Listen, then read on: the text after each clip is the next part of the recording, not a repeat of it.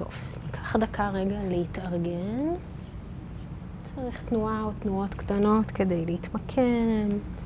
שאיפה לשחרור מהפה.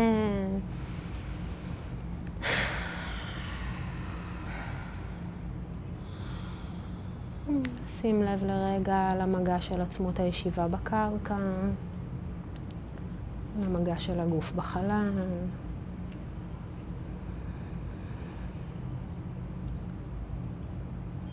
ניקח רגע להזמין את כל השכבות השונות, את כל הרבדים השונים של עצמי להגיע לכאן, לחוויית ההווה.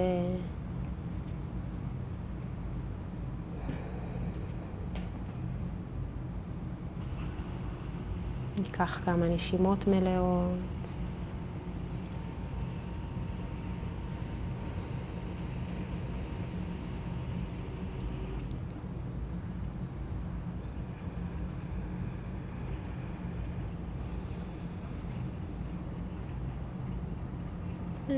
לאט נפקח את העיניים, נחזור לחדר. שוב שלום. אוקיי, אז אנחנו ממשיכים. אה, בפעם הקודמת אה, ניהלנו דיון שאפשר אפילו לקרוא לו סוער במסגרת אה, עולם התוכן של הפילוסופיה ההודית בנוגע לווירגיה. ויירג ים, אי השתוקקות או אי כמיהה. נושא שליווה אותנו איזה שניים, שלושה מפגשים, ואפשר לדבר עליו עוד המון, אבל לתחושתי בהקשר הנוכחי שלנו די מיצינו את הדיון בו. במיוחד בפעם הקודמת שבה באמת דנו בהיבטים הפרקטיים של ויירגיאם, כלומר איך אנחנו יכולים למצוא איזושהי דרך להפוך את הנושא הזה לרלוונטי לחיינו. להתחשב במרחק המאוד מאוד גדול, או בתהום אפילו, שנמצאת בינינו לבין רעיון אי השתוקקות. על פניו, כן, נקודת המוצא הבסיסית של חיי היום-יום של אדם בשנת 2019 בישראל. אז הרעיון של אי השתוקקות הוא מצד אחד זר לנו מאוד, מצד שני הוא מאוד קוסם לנו, כי אנחנו מבינים, אם אנחנו קצת חיינו בעולם וקצת נחשפנו לפילוסופיה הודית, ולא רק לפילוסופיה הודית, שההשתוקקות כרוכה באופן אינהרנטי בסבל. בגלל שאנחנו רוצים להפחית את הסבל ככלל, יש לנו איזשהו עניין. איזושהי סקרנות כלפי הרעיון הזה של אי השתוקקות, אבל כמו שאמרנו, מאוד מאוד רחוק. ובעצם בפעם הקודמת דיברנו על איך אפשר לקחת מסרים של אי השתוקקות, איך אפשר לגזור כל מיני נושאים מתוך הווירגיאם ולעבוד עליהם בתוך החיים שלנו, בתוך התרגול שלנו, בהיותנו לא נזירים, אנשים עובדים, אנשי משפחה, אמנים, יוצרים, בעלי שאיפות. גדולות וברורות בעולם החומר ובעולם החיצוני. אז כל זה היה בפעם הקודמת, אפשר להקליט, אפשר למצוא את הכל בפודקאסט שלנו, אפשר להגיע אליו דרך כל מיני אפיקים, ואם זה טכנית מאתגר אז אפשר לדבר איתי בסוף. כל זה היה בפעם הקודמת. וכרגע אני רוצה שנתקדם מזה. שוב, אפשר להגיד עוד הרבה דברים על...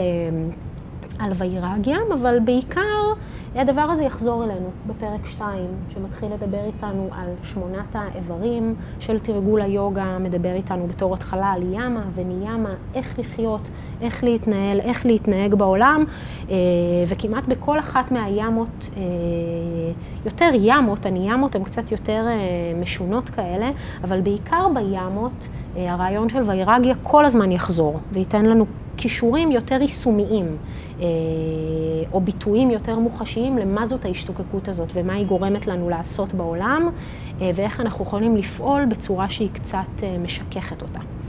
אז כל זה יהיה כשנגיע לפרק 2. וכרגע אני רוצה שנתקדם, אז אני רק רגע עושה זום אאוט להזכיר לנו איפה אנחנו בטקסט. אז התחלנו מיוגה שצ'יטה וריטי נירודה. היוגה היא עצירה של תנודות התודעה. דיברנו על איזה תנודות תודעה בדיוק בפרשנות שלנו, בפרשנות של כל מיני פרשנים עתיקים שמתייחסים לטקסט הזה, ואז קראנו מה הטקסט אומר, נכון? קראנו איך הטקסט מגדיר את תנודות התודעה, דיברנו על חלוקה לשתי קטגוריות ועל חלוקה לחמישה סוגים של תנודות תודעה. וכשסיימנו עם זה, אמ, עברנו ללהגדיר את הצד השני של המשוואה, נירודה. נכון, היה לנו יוגה, שצ'יטה וריטי, נירודה. ברגע שהגדרנו מה זה הצ'יטה וריטי האלה, כלומר, לאיזה מין תנודות תודעה אנחנו רוצים לעשות את הנירודה, איזה תנודות תודעה אנחנו רוצים לעצור, הטקסט הסביר לנו מה זה נירודה. אוקיי? בצורתו המינימליסטית והלא תמיד ברורה, אבל זה מה שהוא עשה. והוא אמר לנו, בקיצור, שהנירודה עומדת על שתי רגליים. נכון? יש לנו ביאסה ויש לנו ויירגיה, אותה ויירגיה שעליה דיברנו אה, הרבה. הביאסה, תרגול מתמשך ועקבי, וויירגיה, כמו שאמרנו, היא השתוקקות. שוב, כל זה מוקלט, דיברנו על זה הרבה, אני רק נותנת שוב את ההקשר. וכרגע, בתוך המקום הזה של התרגול, נכון? כי היינו קודם באיזושהי פאזה יותר תיאורטית של הטקסט, שאנחנו מדברים על הצ'יט הבריטי ואיזה סוגים וקצת פילוסופיה הודית יותר קלאסית כזאת, צללנו לתוך עולם התרגול. נכון? אנחנו פתאום מדברים על נירודה, על הביאסה, על ויירגיה, איך התרגול, מה התרגול, איזה מצב תודעה צריך ללוות את התרגול, ועכשיו, באופן שהוא די מפתיע בעיניי, הטקסט הולך לדבר על סמדהי. סמדהי, בטוח חלק כאן שמעו, יודעים מה זה? המטרה הסופית, היעד הסופי, הגיים אובר, ובפועל, מה המשמעות של המילה? ריכוז, נכון. אז סמד היא, אה, בתרגום המילולי, זה ריכוז. עכשיו, בהתאם למידת החיבה של המתרגם למטאפיזיקה, כך משתנה הטווח התרגומי של אה, סמדהי, כן? סמדהי יכול להיות מתורגם גם כהערה, כאושר אינסופי, כשקט אינסופי, לא יודעת, כל מיני דברים אה, שאנשים מתרגמים, שוב, בהתאם לאיך שהם תופסים את היוגה ואיך שהם תופסים את המצב הזה. אבל uh, בפועל, בתכלס, בתרגום הכי נאמן ככה למשמעות המילולית, הסמאדי הוא ריכוז יציב ומתמשך. Uh, מה שאפשר אולי לקרוא לו באנגלית single mindedness, מאוד מאוד יציב, מאוד מאוד מתמשך uh, ובלתי מופרע, אוקיי? Uh, איזשהו מצב שאפשר לראות אותו כההפך מתנודות התודעה. באיזשהו מובן, אוקיי? אם אנחנו, נקודת המוצא שלנו היא צ'יטה וריטי אינסופי, אז אה, כמו שליאור אמר, היעד או ה game over זה הסמאדהי, כן, הצד השני של זה, המקום שבו התודעה ניצבת, מאוד מאוד חזקה אה, וללא התנודות האלה, שמאפיינות אותה אה, במצב התודעה היומיומי. קצת כמו מחשב. באיזה אופן? אמ, זה מעניין, אני אתייחס לזה בהמשך. לא בטוחה, אבל יש פה, יש פה משהו. אוקיי, אז uh, מה שאני רוצה שנעשה זה שנדלג על החלק הזה, ואני אסביר למה. Uh, יש לנו פה רצף שלדעתי 12-13 uh, סוטרות שפתאום מדברות על סמדהי. עכשיו, יש כאן איזושהי, בעיניי, קטיעה ברצף, כי מה שקורה אחרי ה-12 uh, סוטרות האלה, זה שפטנג'לי חוזר לדבר על התרגול. אנחנו מדברים על המכשולים לתרגול, אנחנו מדברים על איך לתרגל, אה, ויש הרבה אינפורמציה שהיא מאוד מאוד רלוונטית עבורנו, אה, החל מסוטרה 30 והלאה. ויש כאן איזשהו משהו שהוא קצת מוזר, כלומר, למה פתאום אנחנו הולכים לדבר על סמאדי ואז חוזרים לדבר על התרגול? אז יש לנו את הרשות לקרוא את הטקסט לא בסדר שבו הוא כתוב. מה גם שאין שום ערובה לזה שמחבר אחד כתב את הטקסט הזה, ושזה הסדר שאליו הוא התכוון, יכול להיות שהכניסו, יכול להיות שהוציאו, אז תמיד אנחנו יכולים לקרוא את הטקסט אה, בסדר שהוא יותר הגיוני עבורנו, בסדר שהוא יותר מועיל עבורנו, ואני רואה את הסדר שמדלג על סמדהי וחוזר אליו בסוף כסדר שהוא הרבה יותר אה, נכון גם מבחינת הנושא.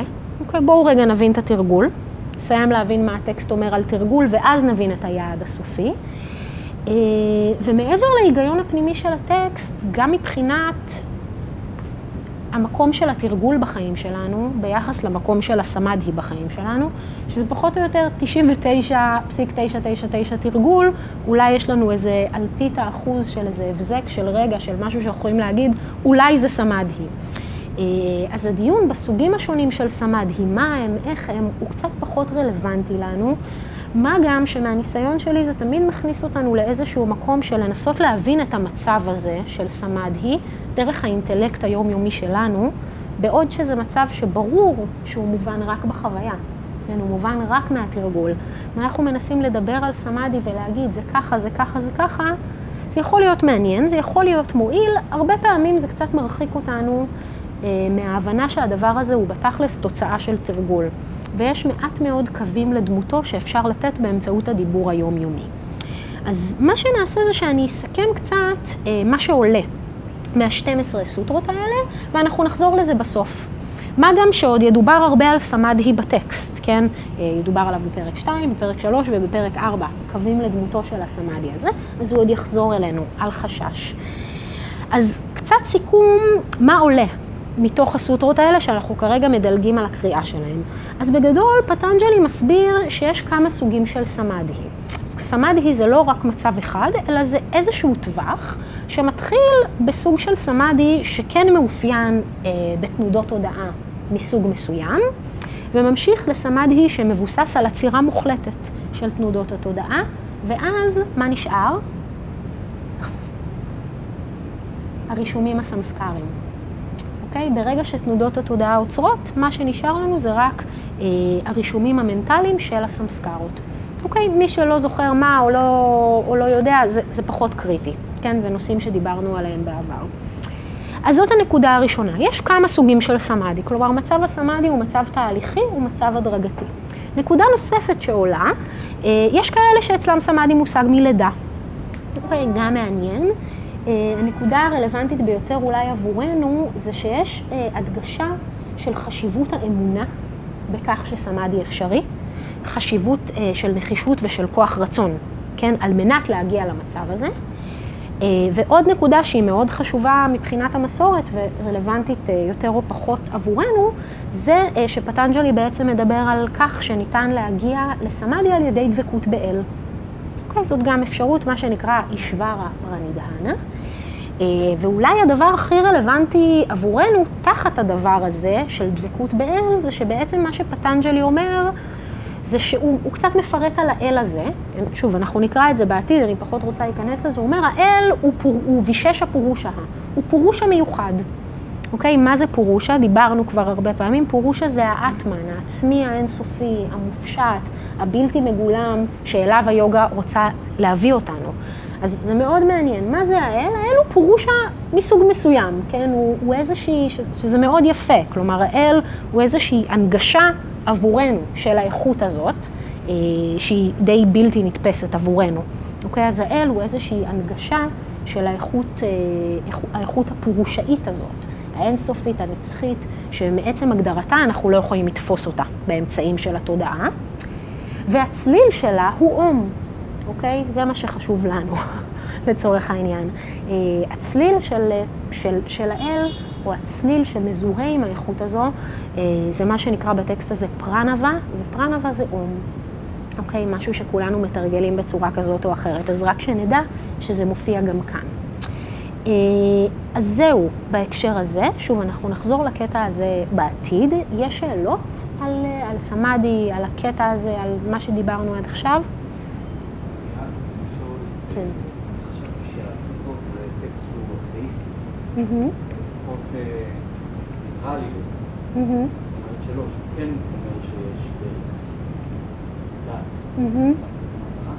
אוקיי, זו שאלה מאוד מאוד מעניינת ומאוד רלוונטית, והיא מחזירה אותי קצת לבקשה שלך מהפעם הקודמת, של לעשות איזו סקירה יותר רחבה.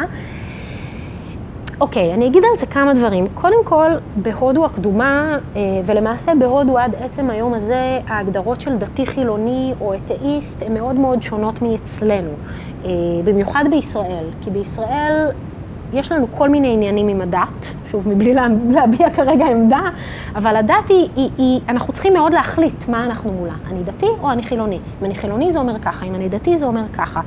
אה, אז בהודו, שוב, גם הקדומה ועד עצם היום הזה, המושג של חילונות הוא, הוא לא כל כך נוכח. כלומר, כולנו דתיים בצורה כזו או אחרת, אנחנו יכולים לקחת מה שבא לנו מהדת, מה שלא בא לנו לא צריך, אנחנו יכולים לעשות מה שמתאים לנו, אה, והדת היא הרבה יותר חלק מאורח החיים היומיומי, אה, מהקהילה אה, ומשגרת היומיום.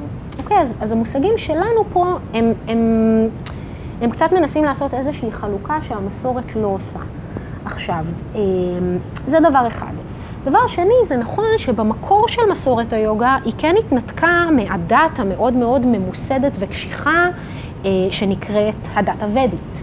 אוקיי, אז במובן הזה כן יש כאן איזושהי תנועה אה, אתאיסטית, במובן שאנחנו לא משליכים יהבנו על האל, אנחנו לא עובדים את האל, ואנחנו לא בונים על זה שהאל יעשה עבורנו, שהאל אה, יכחיד עבורנו את הסבל, שאם רק נתפלל כמו שצריך או נקריב כמו שצריך, האל ייתן לנו את מה שאנחנו רוצים.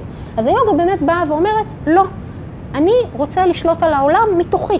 אני לא רוצה לעבור דרך האל, אני לא צריך את התיווך הזה. כל העולם מגולם בי, אני מגולם בכל העולם, ואם אני רק אבין את הצופן הזה כמו שצריך, אני יכול להגיע אה, להישגים שהם ברמה המופשטת ביותר, אוקיי? ש- שאפשר לראות את זה גם בפרק שלוש של היוגה סוטרה. פרק שלוש של היוגה סוטרה, אנחנו נגיע אליו, מדבר אשכרה על כוחות על. אני נהיה קטן מאוד, אני נהיה גדול מאוד, אני זז ממקום למקום, אני שומע על המרחק. כלומר, מה זה אומר? זה אומר שפיצחתי איזשהו קוד שבאמצעותו אני, אני זה העולם, והעולם זה אני. אז כן יש את התנועה הזו, שמתנתקת מהחסד של האל או מהתלות באל, מצד אחד. מצד שני, וזה תמיד ככה, אנחנו תמיד רואים את זה במסורות של הודו, יש גם קצת מזה בפנים. כי הניתוק הוא אף פעם לא הרמטי. אנחנו רואים כל מיני אפשרויות. ובעצם היוגה, היוגה מדברת על סמאדהי, אוקיי? היוגה מדברת על הפחתת הסבל או על הפסקת הסבל, והיא נותנת אפשרות, אוקיי? האפשרות המועדפת בעיני פטנג'לי היא מה שהוא מקדם בטקסט שלו. ברור שזה לא דבקות באל, אבל יש גם עוד אפשרויות. כן, האפשרות של דבקות באל, ודרך זה להגיע ליוגה, דרך זה לממש יוגה, ודרך זה להגיע להישג הנעלה ביותר של מסורת היוגה, היא אפשרות שלגמרי נוכחת. בהודו כבר די מראשית מסורת היוגה, ואפשר לראות את זה בבהגavad גיתא. בבהגavad גיתא אנחנו כל הזמן רואים את כל הספקטרום. מצד אחד מדובר לנו על ללכת לתרגל, למדות, לשבת, לעשות את כל הדברים שגם היוגה סוטרה מדברת עליהם, ואז נאמר לנו, אבל גם אם תעבדו את האל קרישנה, גם זה יגיע משם. Okay, אז יש לנו כל הזמן את האפשרויות, וזה משהו שהוא מאוד מאוד יפה במסורת הזאת. הם נותנים כל מיני אפשרויות, אנחנו לא נעולים על דרך אחת. ואני אגיד על זה עוד דבר אחד קטן, כי אני חושבת שזה באמת משמעותי, זה שבעיקרון העמדה אה, בקרב רוב הפרשנים היא שדבקות באל זה פשוט דרך שיחסית קלה. למה? בדיוק בגלל שהאל הוא פירוש המיוחד. אוקיי? מה האפשרות שלנו לתפוס את האינסוף? לתפוס את הבלתי מגולם, לתפוס את הנצחי, לתפוס את האינסופי. אפילו אם אנחנו הולכים לבודהיזם, מה האפשרות שלנו לתפוס את הריקות? קשה. התודעה שלנו היא מאוד תלת-מימדית, מגולמת, היא בעולם החומר. קשה לנו לתפוס קונספטים מופשטים. ובגלל זה הרבה מהפרשנים באים ואומרים, תראו, אתם יכולים דרך האינסוף, דרך המופשט, לכוון את התודעה, זה קשה, זה ייקח הרבה זמן. דרך האל יותר קל, אוקיי? זה, זה בדיוק ההנגשה הזו של הפורושה. דרך משהו שהוא בכל זאת מגולם, שהוא קצת כמונו וקצת, זה איזשהו מין אזור דמדומים כזה. נכון? האל הוא גם, גם כמונו והוא גם כמו האחר, כמו הדבר הזה שנמצא מעבר למה שאנחנו תופסים. בסדר? עוד שאלות? אוקיי. פרנבה? זה מתייחס לצליל אום. אני ניסיתי לחפש פירוק של זה ולא מצאתי. כלומר, במילון כבר מהמשמעויות הכי עתיקות, את רואה פרנבה the sound אום. כאילו אין לזה, לא, לא שאני יודעת איזשהו פירוק, אני אבדוק את זה שוב ואני אחזור אליכם. שאלה טובה. אוקיי, עוד משהו להגיד על זה? עד כה? אוקיי, אז נמשיך עוד קצת, אני לא רואה את השעון. אוקיי, יש לנו עוד קצת. אז אני רוצה שנעבור בעצם לסוטרה 30, שבה פטנג'לי מדבר על המכשולים שעומדים בפני המתרגל, המכשולים של התרגול, נושא שהוא סופר רלוונטי עבור כולנו. אז הסוטרה אומרת ככה, הוא נוקב בעצם ב-11, אם אני לא טועה, מכשולים. וידהי, סטיאנה, סמשיה, פרמדה, אלסיה, אווירתי, ברנטי דרשנה, אלבדה בומיקתווה, אנה וסטיתתווה. אוקיי? אלה הם הצ'יטה ויקשפה, אנטריה. אנטריה חוצצים מכשולים, צ'יטה ויקשפה המסיחים את הדעת, או המסעירים את התודעה. והמכשולים הם אלה, ויד היא מחלה, אנחנו תכף נפרט על כל אחד מהם. סטיאנה, אי כשירות, סמשיה, ספק, פרמדה, הזנחה, אלסיה, עצלות, אווירתי, חוסר איפוק, ברנטי, דרשנה, תפיסות מוטעות, אלבדה, בהומיקתווה, אי השגת תוצאות, ואנבסטית התווה, אי יציבות בתוצאות שהושגו. אז אני קצת אפרט על כל אחד מהם. אנחנו מתחילים מהברור אל הפחות ברור. ויד היא מחלה, מחלה של הגוף. עכשיו, מעניין לציין את זה, כי אנחנו בעצם מדברים על, על שלב שבו היוגה היא לא תרגול גופני, כן? היא לא תרגול של תנועה, היא לא תרגול של אסנה, אלא היא רק תרגול של ישיבה מדיטטיבית. ובכל זאת, המכשול הראשון שניתן לנו זה מחלה של הגוף. ו- ואני מאמינה שכל מי שאי פעם ניסה לשבת למדיטציה בזמן מחלה של הגוף, גילה שזה מאוד מאוד קשה. מחלה של הגוף היא משהו שמאוד מאוד מחליש את התודעה, מאוד מסעיר את התודעה, ולכן הדבר הזה מהווה אה, מכשול ברור לתרגול. אם יש שאלות, תעצרו אותי. סטיאנה, אי כשירות. אז שוב, מדובר פה על איזושהי אי כשירות בסיסית של התודעה לתרגל. אה, זה יכול להיות איזשהו חוסר איזון נפשי, זה יכול להיות למשל ילדים מאוד קטנים, או בהרחבה, כל מצב שבו התודעה שלנו רחוקה מדי ממצב התרגול. אה, הרבה פעמים אנחנו מנסים לתרגל כשהתודעה היא מאוד מאוד מאוד מאוד מאוד סוערת. והרבה פעמים המצב הזה הוא גם כן איזשהו מצב של סטיאנה, איזשהו מצב של אי כשירות, שאנחנו מנסים יותר מדי לבוא משני הקצוות של המאה ה-80. כן, אם התודעה במצב שבו אנחנו מרגישים שהיא לא כשירה לתרגול, כדאי לנו לעשות כמה דברים כדי קצת לקרב אותה. לפני שאנחנו מתיישבים לתרגול הפורמלי. אצל כל אחד זה יכול להיות משהו אחר, כן, אפשר רגע לישון, להתקלח, לצרוח, לשתות קפה, לעשות מה שצריך כדי לצמצם את המרחק בין התודעה לתרגול. אה, אם אנחנו לא עושים את זה, אז הרבה פעמים התרגול או לא עובד, או כרוך בהרבה הרבה אנרגיה והרבה תסכול. אז כדאי להיות באיזושהי מודעות לזה. להביא את התודעה למצב שהיא לפחות ב baseline של הכשירות אה, למצב של תרגול, שהוא בכל זאת איזשהו מצב של איסוף, של השקטה, של יציבות. אה, שאלות על, על השניים האלה? כך או כך. שוב, לצורך העניין, במצב הזה שאנחנו מדברים, אסנה היא הכנה נפלאה לתודעה לישיבה מדיטטיבית. אז הרבה פעמים אסנה היא מקום שאנחנו יכולים לגשת אליו גם במקום של נסערות יחסית, וברוב הפעמים נגלה שזה קצת ירד. שוב, תלוי איך הגענו, תלוי איך נכנסנו. אה, זה לא עובד כמו קסם, אבל זה בהחלט עובד. אז המקום של אסנה הוא מקום יותר ידידותי. הוא איזשהו מקום שמתווך בעיניי בין התודעה היומיומית לבין הישיבה המדיטטיבית. אה, אבל גם על זה צריך, אה, צריך להתבונן ולהרגיש בחוויה הפנימית אם זה מתאים כרגע. אם, זה, אם אני באיזושהי צורה במצב של למקד את התודעה, כי גם בתרגול האסנה אנחנו מדברים על מיקוד התודעה. אמנם יותר קל לנו אה, למקד את התודעה בתנועה, מאשר באובייקטים עדינים יותר כמו נשימה או כמו דברים אחרים שאנחנו בדרך כלל מתמקדים בהם במדיטציה. זה דיסוננס כזה.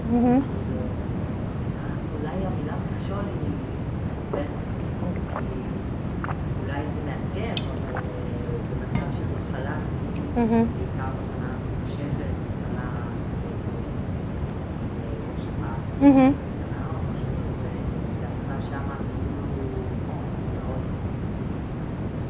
נכון. נכון, זאת נקודה חשובה. אז יכול להיות שיש כאן אה, עניין של טרמינולוגיה.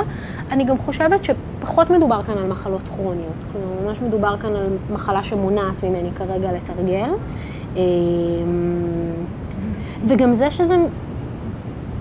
זו שאלה טובה, אני חושבת, כי אני מבינה מה שאת אומרת על המילה מכשול, אבל אני חושבת שבאמת, כשנניח יש איזשהו כאב כרוני מאוד חזק, יותר קשה לתרגל.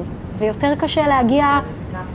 נכון, אנחנו יותר נזקקים, אבל אם אנחנו בוחנים את התוצאות מבחינת איך שהמסורת רואה אותן, יהיה לנו יותר קשה להגיע לסמאדי. כלומר, התרגול ממש יתמוך ביומיום, ברור, יתמוך בהתמודדות עם הכאב, וכולנו מכירים את זה או יודעים שהעבודה עם, עם, גם עם אסנה וגם עם מדיטציה במצבים של חולי כרוני ומתמשך, היא מאוד מאוד מיטיבה את ההתמודדות עם המחלה, אבל הסמאדי יתעכב, כנראה. אז כן, אז אנחנו צריכים באמת כל הזמן להיות גם עם, ה... עם ההבנה של לאן הטקסט הזה מכוון. אה, אנחנו הרבה פעמים משתמשים ביוגה ובמדיטציה כדי פשוט שהחיים שלנו יהיו יותר טובים. וזה שימוש מעולה, אבל הטקסט הזה לא מכוון לשם. הטקסט הזה מכוון אותנו להגיע להערה. אז אנחנו באמת צריכים לקרוא אותו מתוך הבנה של לאן הוא רוצה לקחת אותנו, ולהבין שאנחנו לפעמים אה, עושים במסורת שימוש אחר, וזה בסדר גמור, זה מצוין שאנחנו עושים את זה. פשוט... אפילו ברמה הרוחנית, הרמה שלה להתקדם בדרך, דווקא כשאתה כן משתמש במחלה או מהמם. זה, כאילו דווקא מקפיץ אותך. נכון, אני מסכימה. זה יכול להיות גם מקום של התמרה. אה, אבל שוב, זה, זה גם מושגים שהם קצת יותר שלנו, מאיך שאנחנו רואים את זה ואיך שאנחנו לוקחים את, ה, את המסורת. אה, לא נכון לא זה כאילו לא. נכון, לא, זה אומר שזה כאילו קשה.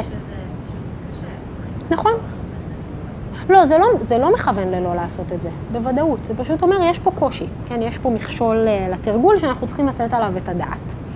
עוד, עוד משהו על זה? אני, אני- יש לי משהו כל הזמן, ש- שבהרבה מסורות רוחניות, אז אז אומרים שעצם ה...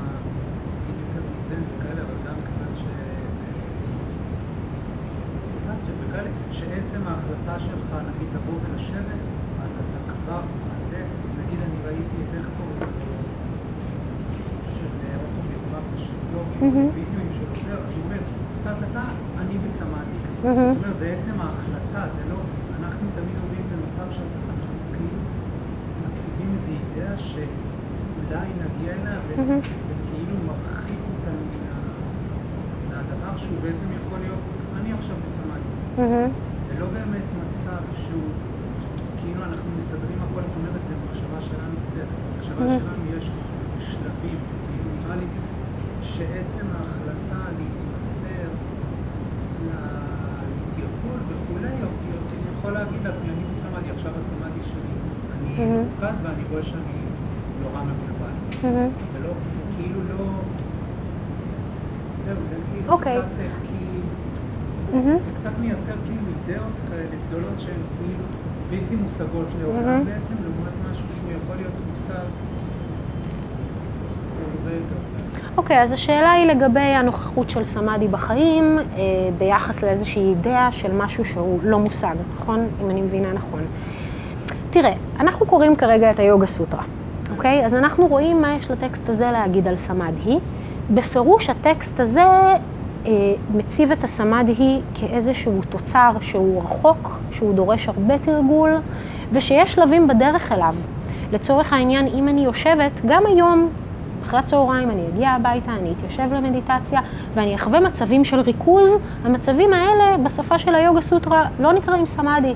הם יכולים אה, להיקרא אה, פרטיהרה, הם יכולים להיקרא דהרנה, הם יכולים להיקרא דיאנה, כל מיני שלבים שאנחנו נגיע אליהם בים, אה, כן, באשטנגה יוגה, ים הניאמה, אה, שמדברים על ההדרגתיות של הדבר.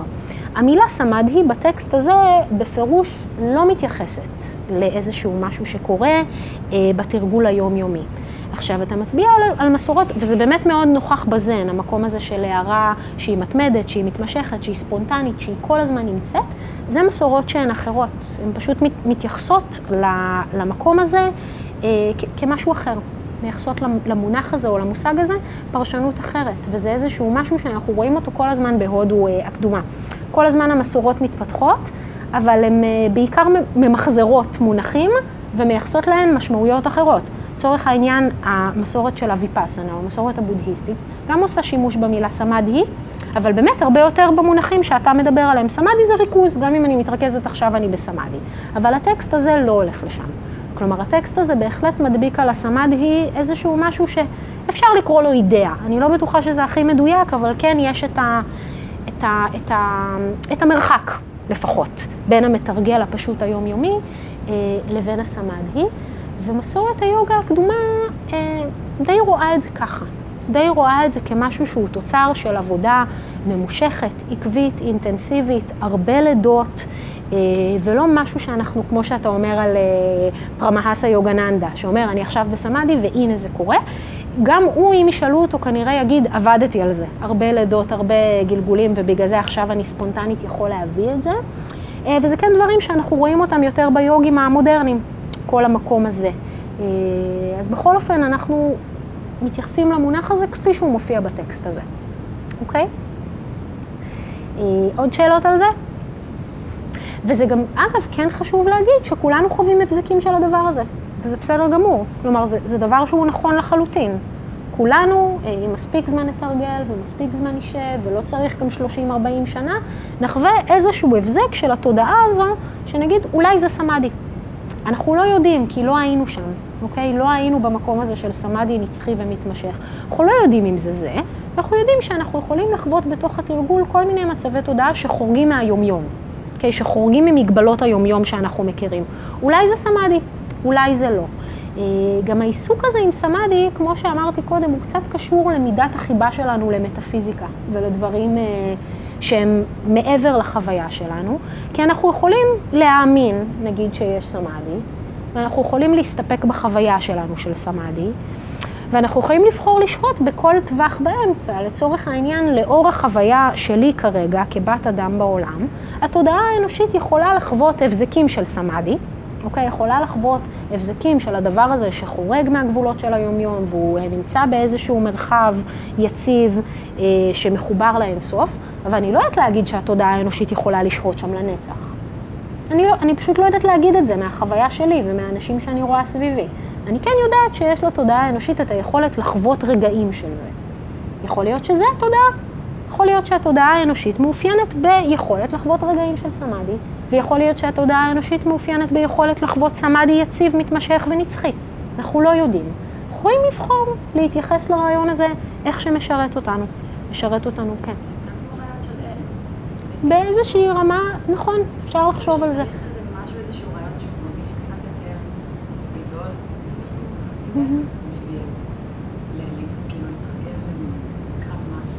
בק... אם, אם את מסתכלת על זה דרך הקטגוריה הזו, אז בהחלט זה משמש כאיזשהו משהו שחורג ממה שאני מכירה, שאליו אני מכוונת, אבל יש כאן הבדל מהותי בין זה לבין אל, באופן שבו זה פנימי, וזה תוצר של התרגול והעבודה שלי, שזה הבדל משמעותי.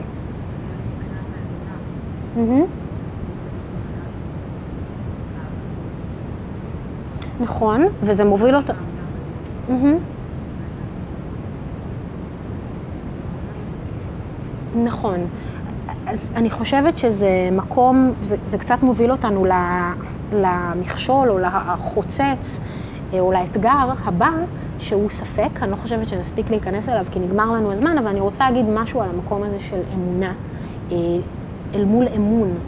אוקיי, אז אמונה זה באל. ואני רואה את המערכת יחסים עם סמאדי ועם התרגול של היוגה יותר כאמון, ופחות כאמונה. כי אני, אם אני מאמינה באל, אז אני מאמינה בו בכל מצב. נכון, גם בשואה אני מאמינה בו, גם ב- כשהוא עושה לי סבל, גם באיוב, אני מאמינה באל. האמונה שלי בו היא אבסולוטית, הוא יודע, הוא חכם, הוא רואה דברים שאני לא רואה, הוא מנהל את המציאות כפי שהוא רואה לנכון. אז זאת אמונה. אה, אמון זה איזשהו משהו שרוכשים אותו, והוא תמיד אה, עומד למבחן המציאות. כלומר, אם התרגול לא יביא לתוצאות, אם התרגול לא יקדם אותי בדרך הזו שאני רואה אותה כדרך היוגה, כמו שאני תופסת אותה, כמו שאני רוצה להשתמש בה, אז אני אחליף אותו, אוקיי? ו- וזה מקום מאוד בריא להיות בו מול התרגול. אנחנו לא באמונה עיוורת מול היוגה, אלא אנחנו באמון שיש פה משהו חכם. בכל זאת, כלומר, יש פה משהו שלוטש במשך בערך אלפיים שנה, שאנשים מאוד מאוד העמיקו בו, הדרך של היוגה נבנתה כפי שהיא לא סתם. אז יש לי אמון, זה קצת מתקשר לידיעה נכונה, כן, למה שדיברנו בפעמים הקודמות. יש לי סיבות אה, להאמין מלשון אמון בדבר הזה, אבל אה, זה תמיד אה, עומד במבחן ההפרחה. ואני חושבת שזה מקום מאוד מאוד בריא אה, עבורנו, להיות בו מול התרגול. שיהיה לנו, אמ... שיהיה לנו אמון בו כל עוד אנחנו מקבלים אה, תוצאות מסוימות מהתרגול, כפי שאנחנו מציבים לעצמנו, מה אנחנו רוצים להשיג באמצעות התרגול, למה אנחנו מתרגלים, אבל אם התרגול לוקח אותנו למקום ההפוך ממה שהתכוונו, אז אנחנו שואלים שאלה. בספק, זה, זה כאילו. שם אותנו בספק, והספק בין, בין, לא משנה, הדבר שקראתי, הוא יודע, ש... מהמם. אבל, אבל, אבל אין את המקום, אין את המקום הזה במקום, במקום כאילו, ה- נגיד, אה, ראיתי פעם את ישעיהו ליבוביץ', שלא זוכר מי. בקשר לאמונה, הוא אומר, למה הוא קורא את הספר, הוא לא קורא אותו מסיבה מסוימת, הוא הוא פשוט, כאילו זה מה שהוא עושה, כמו שאתה עושה יוגה, אתה לא. כל פעם מתחיל לעשות יוגה, אחד שאני זה, אני שואל למה אני עושה זה, למה אני עושה זה, עצם העשייה היא האמונה. ואז אין את. כאילו, אם אתה מתחיל לשאול את הספק, אין את הסמאדי. מהמם. כל עוד אין, כל עוד אין ספק, אין זה, אין זה, יש סמאדי. זה, זה כאילו כל הזמן, זאת אומרת, הטיפול, אתה כל הזמן נמצא בתוך המצב, אין מצבים שאתה הולך להיות בהם. כאילו, כל הזמן. אתה בכל המצבים. כאילו, אמ, זה, זה כאילו תפיסה, זה כמו שהיא מדברת על אמונה. מהמם. או, אז היא אומרת, אמונה זה תפיסה, כמו שכאילו אל, זה גם תפיסה, זה הכל תפיסות, זה לא, זה לא אה, מדריך למשתמש. ה- זה כאילו, כשישעיהו ליבוביץ' אמר את זה, הוא דיבר דווקא על שני מישורים. הוא אמר, יש את הקיום מצוות שאני עושה בלי לחשוב, ויש את הזמן שבו אני חושב ואני פילוסוף. כאילו, יש לו את שני סוגים של תרגול. כאילו, יש את התרגול ה... בוא נגיד, כמו לתרגל את האסנה, ויש את התרגול הפילוסופי של הלמידה הפילוסופית. זאת אומרת, אתה לא יכול להיות בשניהם באותו הזמן, אבל אתה כן, בתור אדם בעולם, יכול לקיים את שני המישורים. אוקיי, אני רוצה רגע לסכם, כי אנחנו צריכים אה, לסיים. זה דיון מאוד מעניין. אה, אני לא בטוחה שהבנת אותי כפי שהתכוונתי. אה, ברור שהספק מוצג פה כמכשול, אבל מה שבאמת מכשול הוא ספק עיוור. ספק עיוור זה מה שאתה תיארת, שאני לא מפסיק לשאול את עצמי, למה זה, למה זה, למה זה, למה זה, למה זה, זה נכון, זה, לא, ואז, ואז אני תקוע, אוקיי? אז אני לא עושה שום דבר. ספק עיוור הוא גרוע גם כמו אמונה עיוורת, אוקיי. בתור אחד עם מלא ספקות. אוקיי. אז, לא... אז שנייה, אני רק, אני רק, צר- אני, אנחנו צריכים לסיים, אז אני רק מסכמת. אני לא אומרת שהספק הוא מועיל, אני אומרת שהספק הוא חשוב כל עוד הוא משרת אותנו להכריע הכרעה שהיא אותנטית ושהיא לוגית עבורנו. כי הכרעה או בחירה שלא מלווה בספק בריא, היא לא הכרעה אמיתית. נכון? כלומר, אם אני לא בוחרת ביוגה מתוך איזשהו מקום של ספק התחלתי, רגע, בוא נראה מה זה. זה טוב, זה לא טוב, זה עובד, זה לא עובד. אולי משהו מיפן דווקא יותר טוב לי, אולי הקוריאנים הבינו משהו אחר, אולי הסינים. אוקיי, אנחנו בוחרים. ברגע שבחרנו, הבחירה הזו לא יכולה לעמוד לספק אינסופי כל הזמן, אנחנו נדבר על זה יותר בפעם הבאה, אבל הספק דרוש לנו על מנת שההכרעה תהיה אותנטית עבורי. אני לא בוחרת ביוגה כי נולדתי למסדר היוגה, או כי אם אני לא אתרגל יוגה יוציאו אותי להורג בכיכר העיר. נכון, אנחנו בוחרים ביוגה מתוך מקום של ספק, מתוך מקום של ספק בריא, שגורם לנו לבחון את המציאות ולבחור במה שאנחנו חושבים שיהיה מועיל ומיטיב עבורנו. עכשיו, אין ספק שהספק הוא משהו שאנחנו צריכים לדעת לווסת אותו, כי אחרת הוא נהיה, כמו שהטקסט מצביע עליו, מכשול מאוד קשה לתרגול. אם אנחנו... Hmm? כן, אוקיי, אז, אז כל הזמן בעצם הדרך שלנו לבחון האם הספק מפריע לי או מועיל לי, זה לבחון האם אני מתרגל או לא. אוקיי? אם הספק הוא כזה שהוא משתק והוא עיוור והוא מונע ממני לתרגל משהו, שוב, יכול להיות שהבנתי שהיוגה זה לא בשבילי, אז אני הולך לטאי-צ'י, אני הולך לצ'יקונג, אני הולך לכל דבר אחר שיעשה לי טוב, כן? שישיג את המטרה שניסיתי להשיג דרך היוגה ונגיד לא הצלחתי. אבל אם אני רק בספקות כל הזמן, זה לא נכון וזה לא נכון וזה לא טוב וזה לא מדויק, אז זה כבר ספק עיוור ופה יש לנו בעיה. אז, אה, אז הספק הוא משהו שבאמת אנחנו צריכים לדעת לווסת אותו, לדעת לעבוד איתו. אה, בצורה שתאפשר לנו לבחור אה, נכוחה, כן? לבחור בדרך של תרגול מתוך אמון, מתוך הבנה, מתוך הקשבה לאיזשהו מורה שמנחה אותנו, אה, אבל לא יהפוך להיות איזשהו משהו כרוני. כי אני חושבת גם להגיד בלי ספק בכלל זה קצת מסוכן, כי זה יכול להעלות לנו איזושהי שאלה של רגע, אז מה, אנחנו פותחים כאן קאט? כלומר, אם אין ספק. תמיד יש לנו ספק.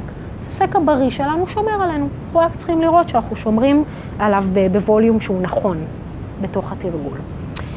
אה, נסיים בזה, כי ממש נגמר לנו הזמן. אז תודה רבה, סוף שבוע טוב, אה, ונתראה שבוע הבא. שבת שלום.